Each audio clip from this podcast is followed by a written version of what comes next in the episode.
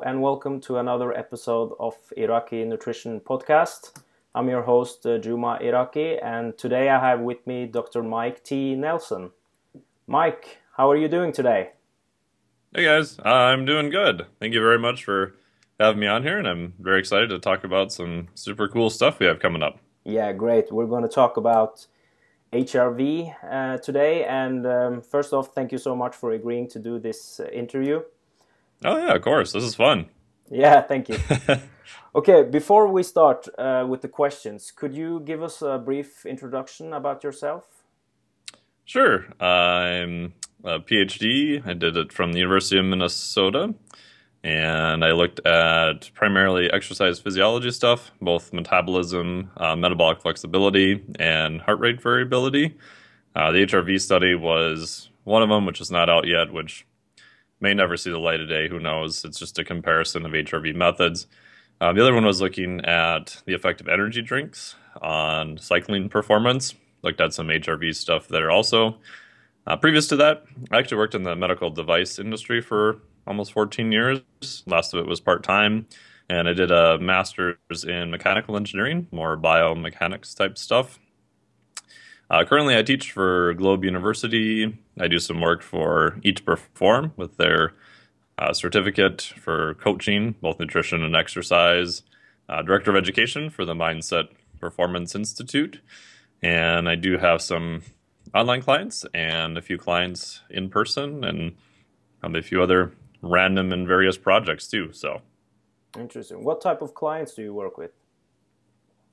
Um, right now, I generally work with people who, I guess, for lack of a better word, are more intermediate to some advanced. Uh, just depends, and usually they're the ones who were pretty much stuck for some reason, whether their you know metabolism wasn't moving, quote unquote, or uh, physical performance more old injuries, um, things of, of that nature, where most of them have gone to kind of different places. Nothing's really worked out. And so by some weird way, they've kind of found their way towards me.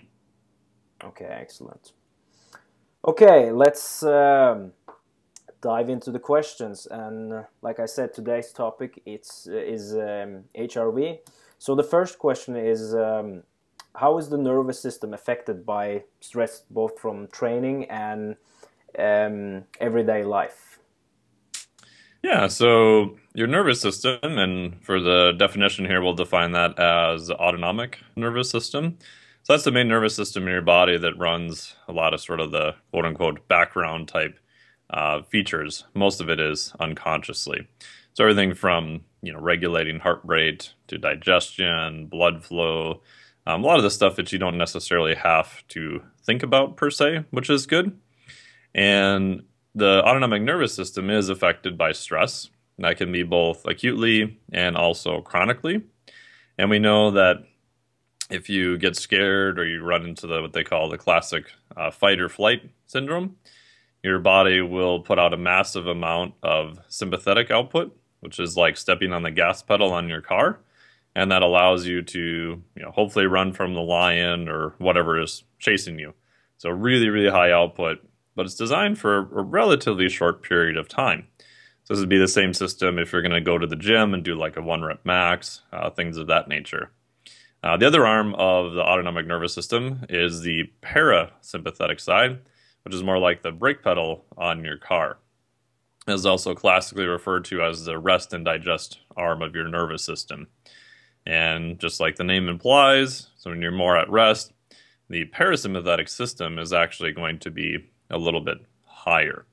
So when your heart, as an example, is under what they call parasympathetic stimulation, it's actually decreasing the rate of your heart. Just like if you're pressing harder on the gas pedal of your car, it's going to slow your car down.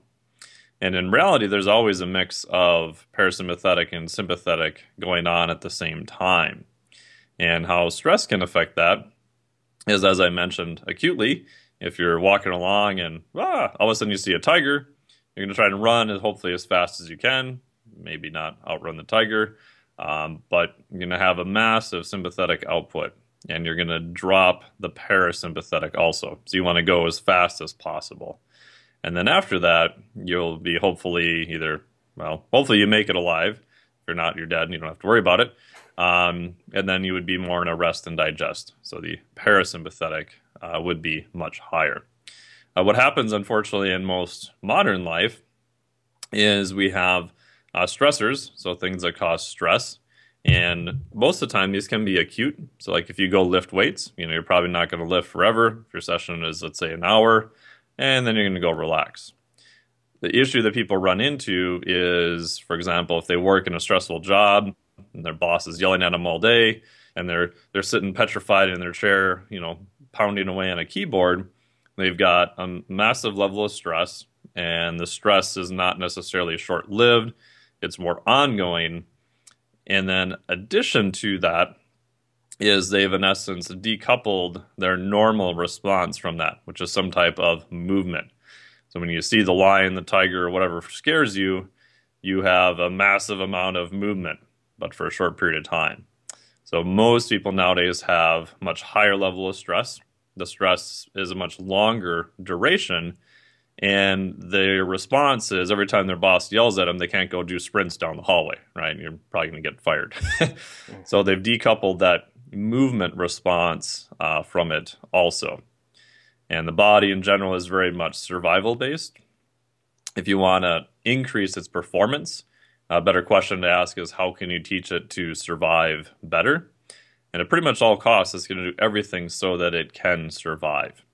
And unfortunately, if you have high amounts of chronic stress all the time, what you'll see is that the sympathetic arm of the nervous system initially will go up and up and up. The body is trying as hard as it can to keep up with all the demands.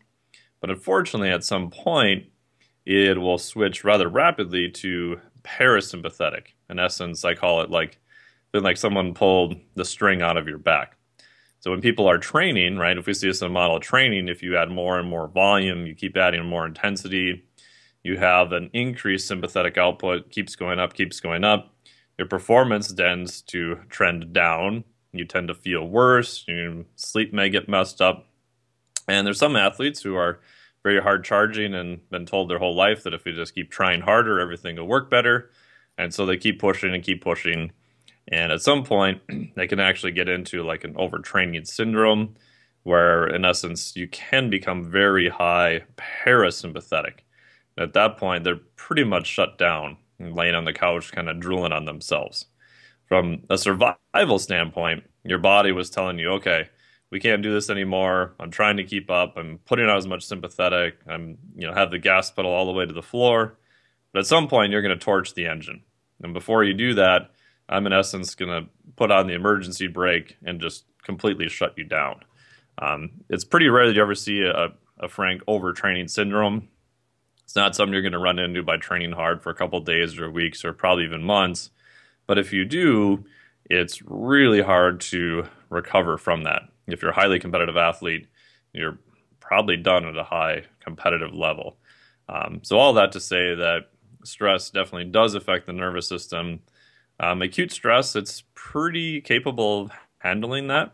Um, if the stress becomes chronic and becomes higher, and then now we start decoupling the normal physiologic survival response, which is some type of movement, now we start running into bigger and bigger issues and a bigger and bigger cost that you're going to have to pay for that. Excellent. And uh, it's great that you covered so much information about it because I think that a lot of people that train they they focus on adequate sleep, they focus on solid nutrition, but they don't pay as much attention as uh, to stress management. Yes. And sometimes you go to the gym, you've had 8 9 hours of solid sleep, you've had enough uh, enough solid food in your system, and still your performance suck basically. Oh yeah, yeah, yeah. And we know one of the the classic studies in this is from uh, Dr. Andrew Fry back in the '90s. Took a group of Olympic weightlifters, had them come into the gym, and they did uh, I don't remember if it's singles or doubles, but uh, 90 plus percent of their one rep max, and then he had them come back the next day, and the next day, and the next day.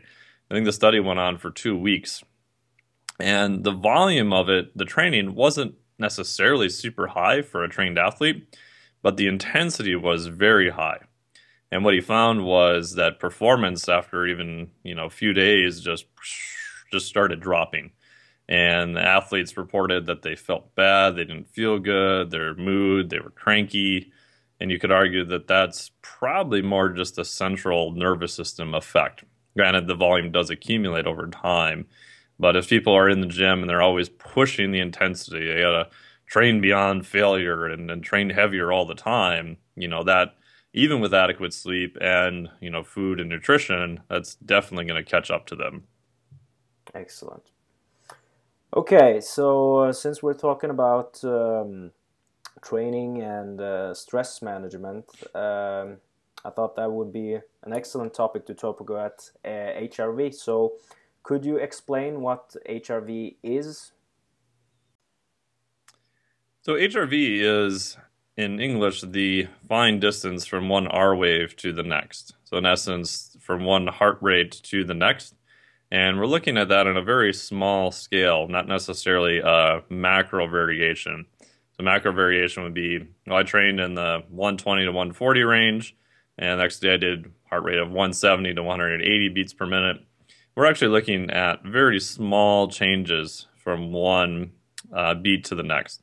So if you were sitting in front of me and and we used to go back scale in time and years ago, the thought was that if you were at steady state and you were not doing anything, you're just laying down, your eyes are closed, you're doing nothing, that whatever your heart rate was should be very, very stable.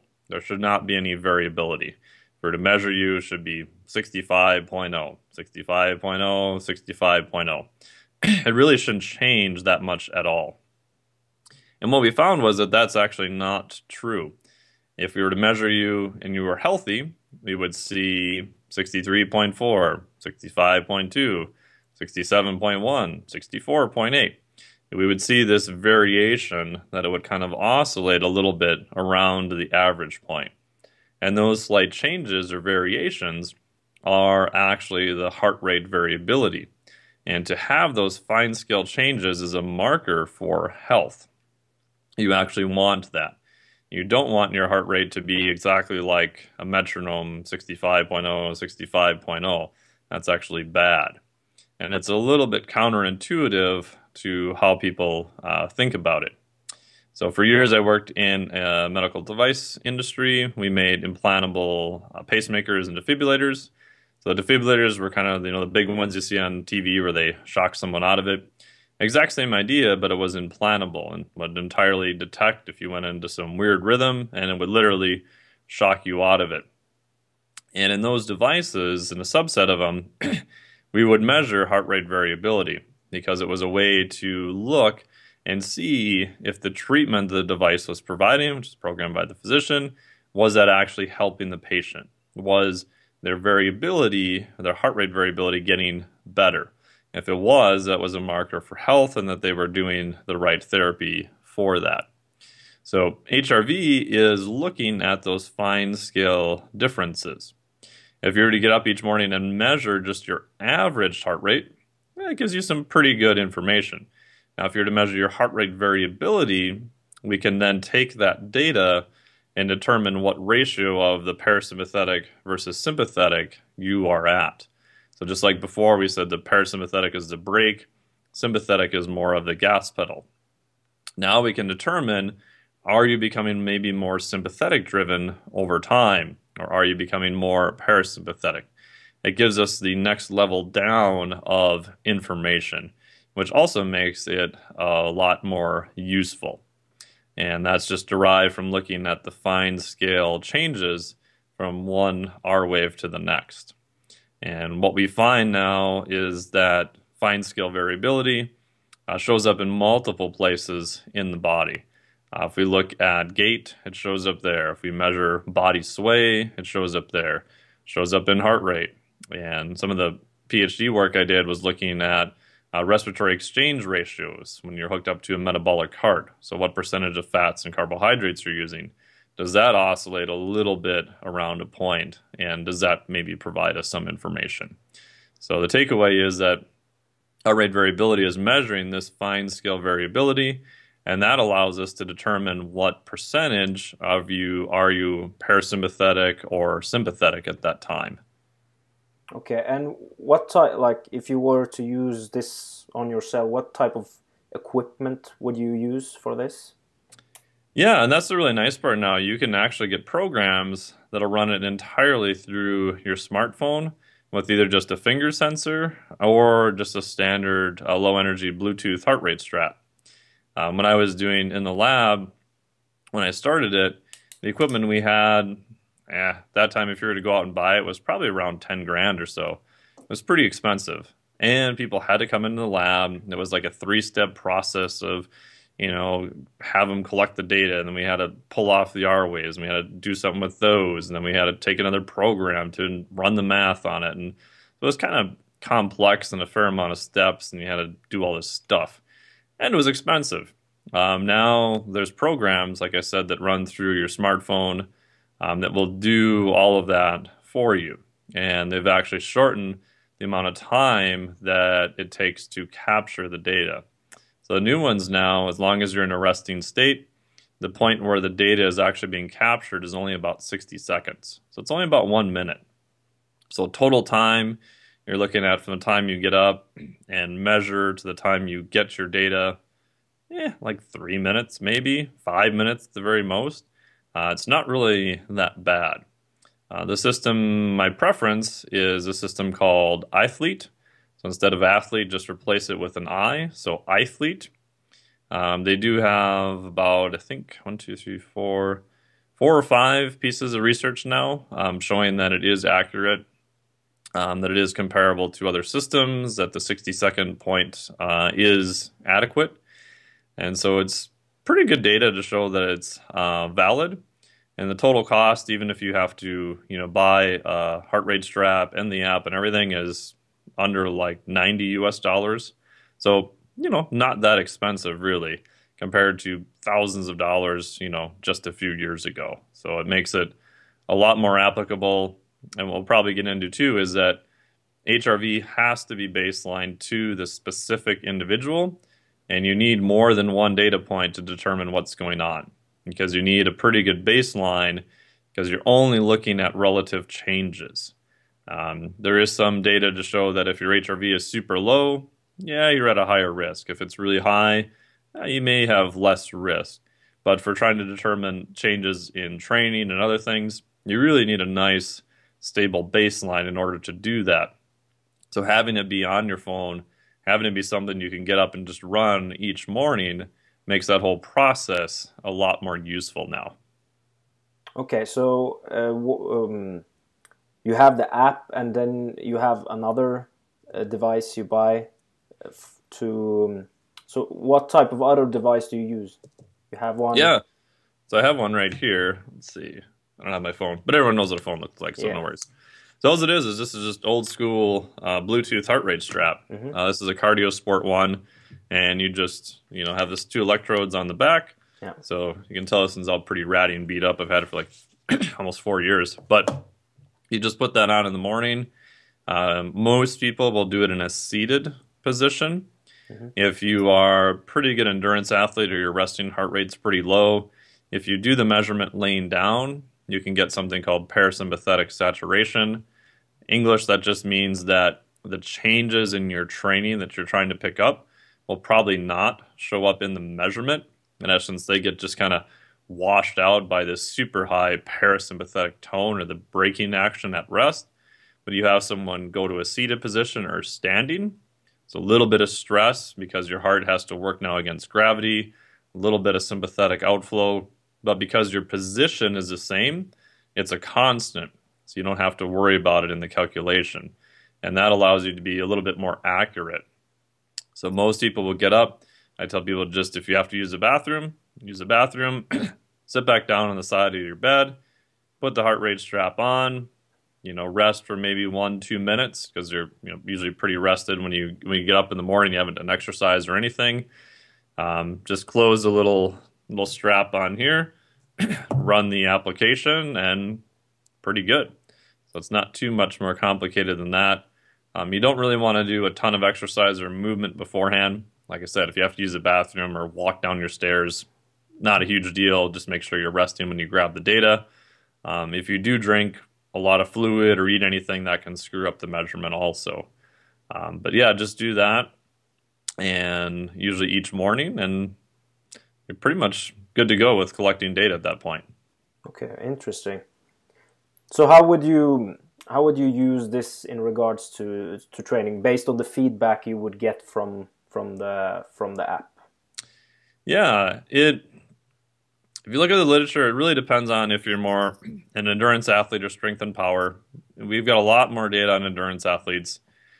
For endurance athletes, it's pretty good at predictive, meaning that if your HRV is in sort of a good area that day for you, your performance is probably going to be pretty good. Now, there's huge exceptions to that at times, but in general, I'd say that's pretty good. Uh, if you're a strength and power athlete, yeah, not really that predictive. Um, there was some new data showing that if your HRV is a little bit lower, that was actually slightly more predictive for performance. So by lower, a lower HRV is more sympathetic. And that kind of makes sense, right? So if you're going to do, let's say, a powerlifting meet and you're super high parasympathetic, that means that you've got this heavy braking action on your nervous system probably not the best condition for maximum um, output in that case. Although powerlifting is not necessarily power, but performance, let's say. That if you're a little bit more on the sympathetic side, not super high, we don't want you to be overreached, that that was actually a little bit better for performance. So if I have a strength and power athlete, so I did this with a guy recently who qualified for Raw Nationals, our whole taper with him was just watching his HRV. We did some stuff based on his history of performance in the past. He's a he's a very good lifter, and we just watched his HRV was basically depressed. So we had a point where he was overreached, which is kind of what you want. We had plenty of time.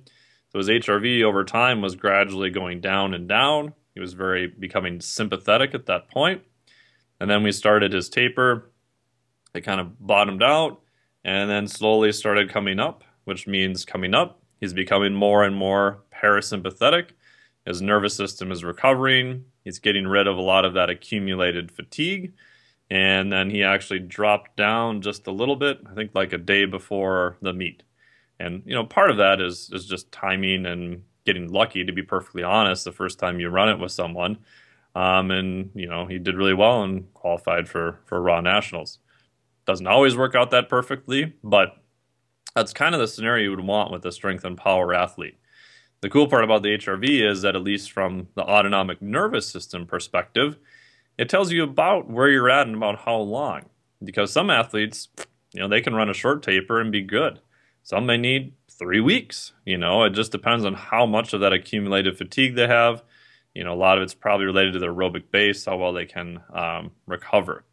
So in strength and power athletes, the mistake I made years ago was thinking that, oh, this is the, the be all and end all for prediction of performance. So I would say, okay, oh, good, my HRV is green, so it's good to go today. Today must be a good day.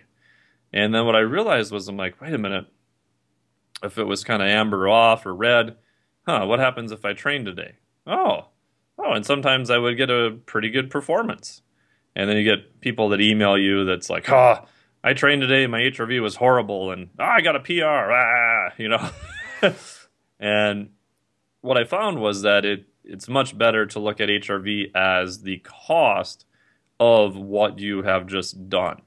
So if you went out and let's say you trained yesterday and it was a good day, speed was good, you do a lot of strength and power stuff, maybe more volume than sure what you're used to at that high of an intensity, and your HRV today tanks.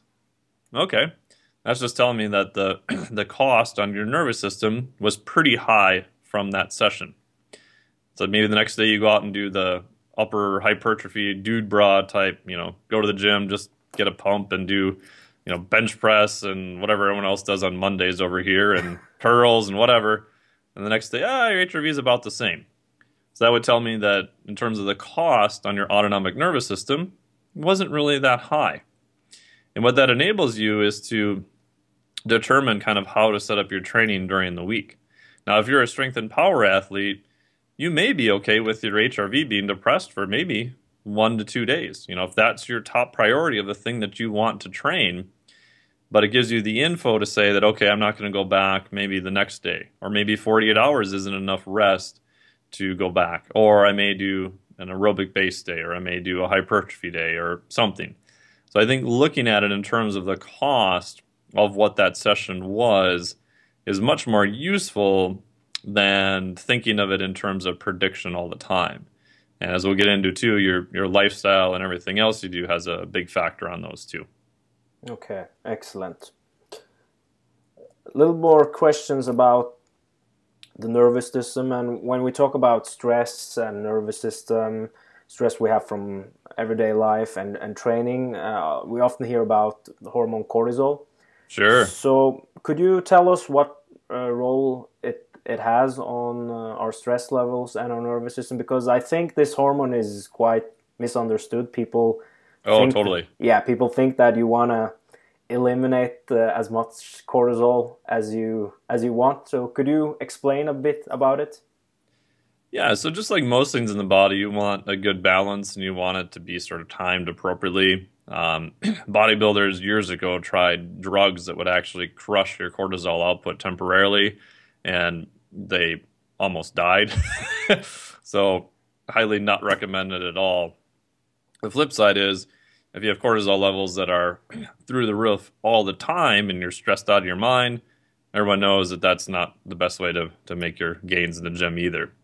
So, what you want is an appropriate balance. So, at its base level, cortisol is a hormone that's used to provide energy or to break down other things in the body for energy, or classically a catabolic hormone.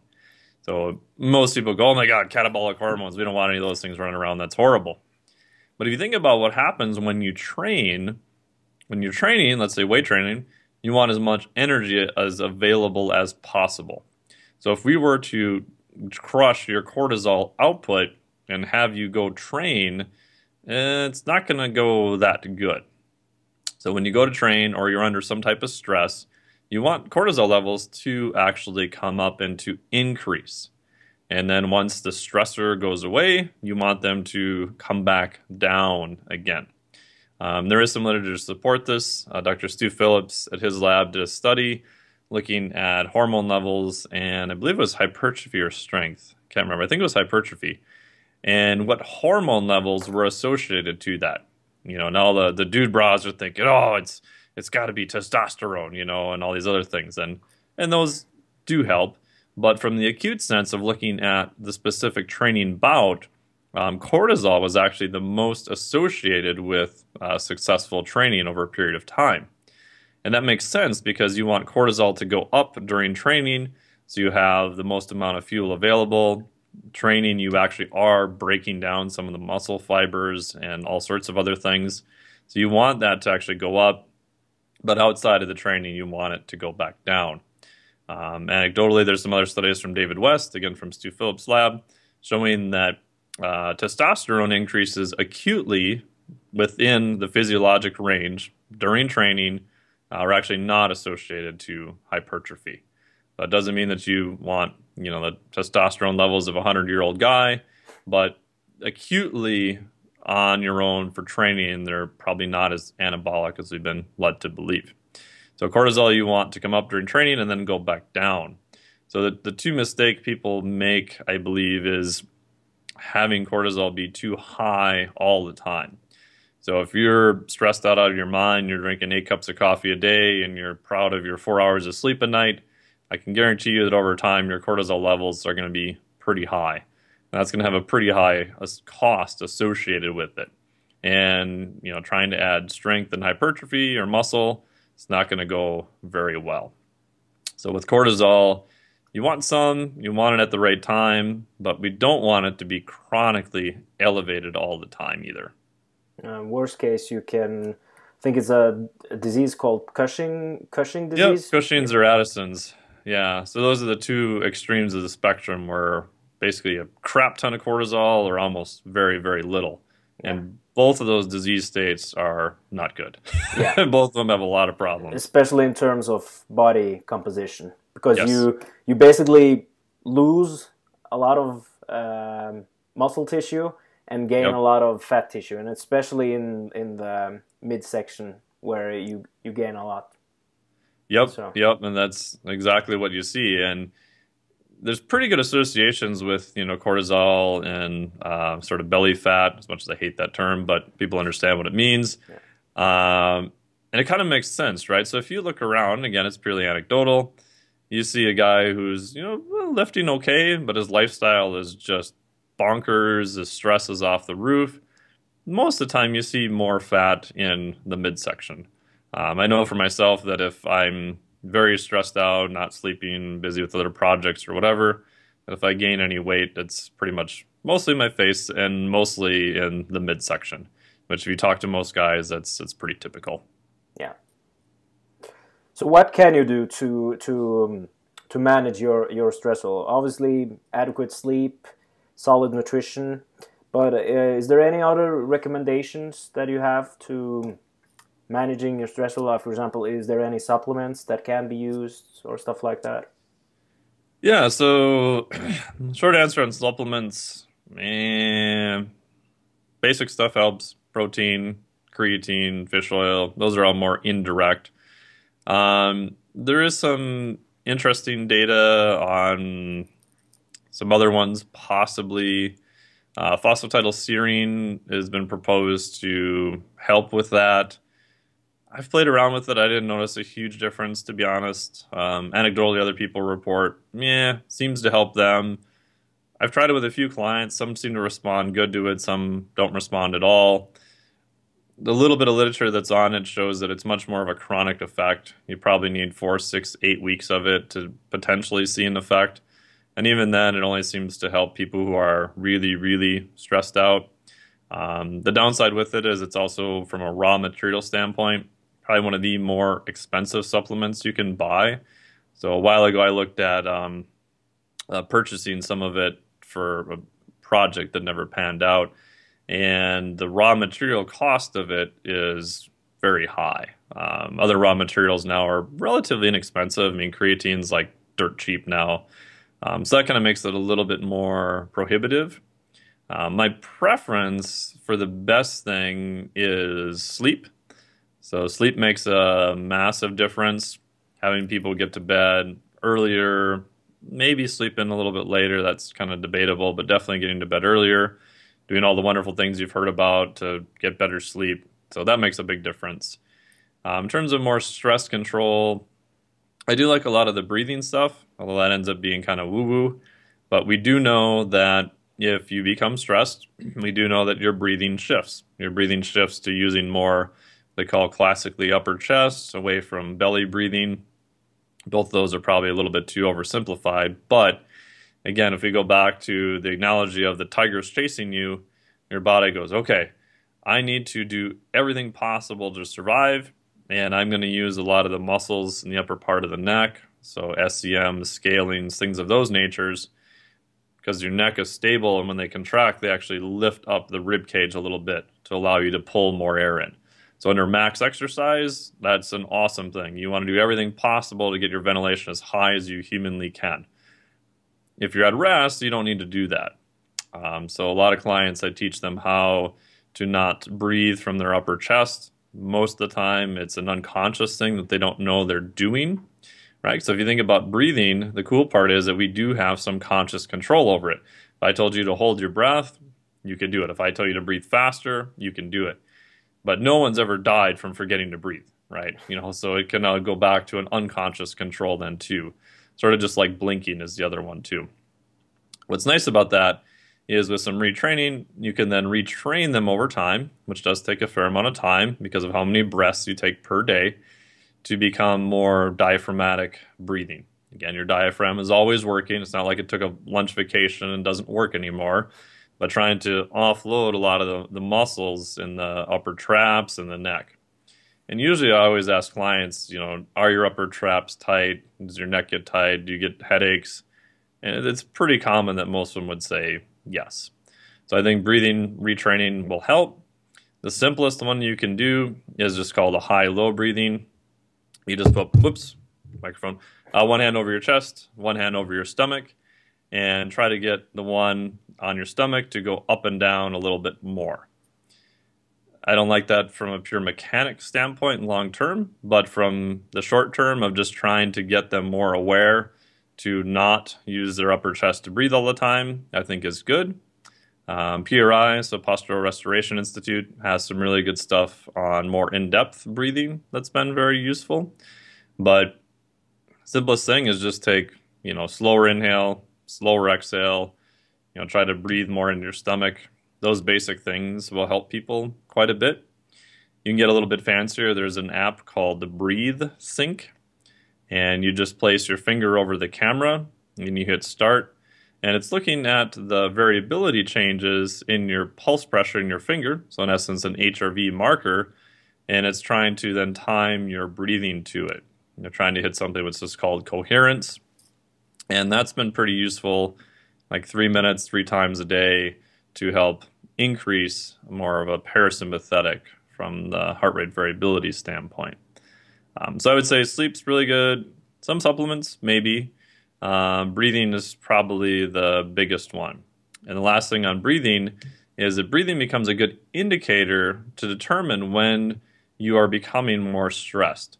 Because most people are so stressed all the time that they lose the awareness of when they're actually stressed. Right? So if a lion came out and chased them, oh, they would know that. But they're so used to their boss yelling them at them all day that they don't realize they sit at their chair like this, scared out of their mind. So I'll ask them, I'll even email clients during the day, you know, if you can take your shoulder and pull it down, that means it was probably up, right? If you ask them, are your shoulders up? They're like, no, no, they're they're fine. Um, so if you ask them if you can pull your shoulders down, oh, okay, you know, so that's an indication that they were probably a little bit more stressed. Okay, excellent. Long-winded answer, but yeah, it was the answer was perfect, and thank you so much for the great tips that you provided. All right, Mike. Thank you so much once again for doing uh, this interview. If yeah, if people want to read more about you, where can they find that information?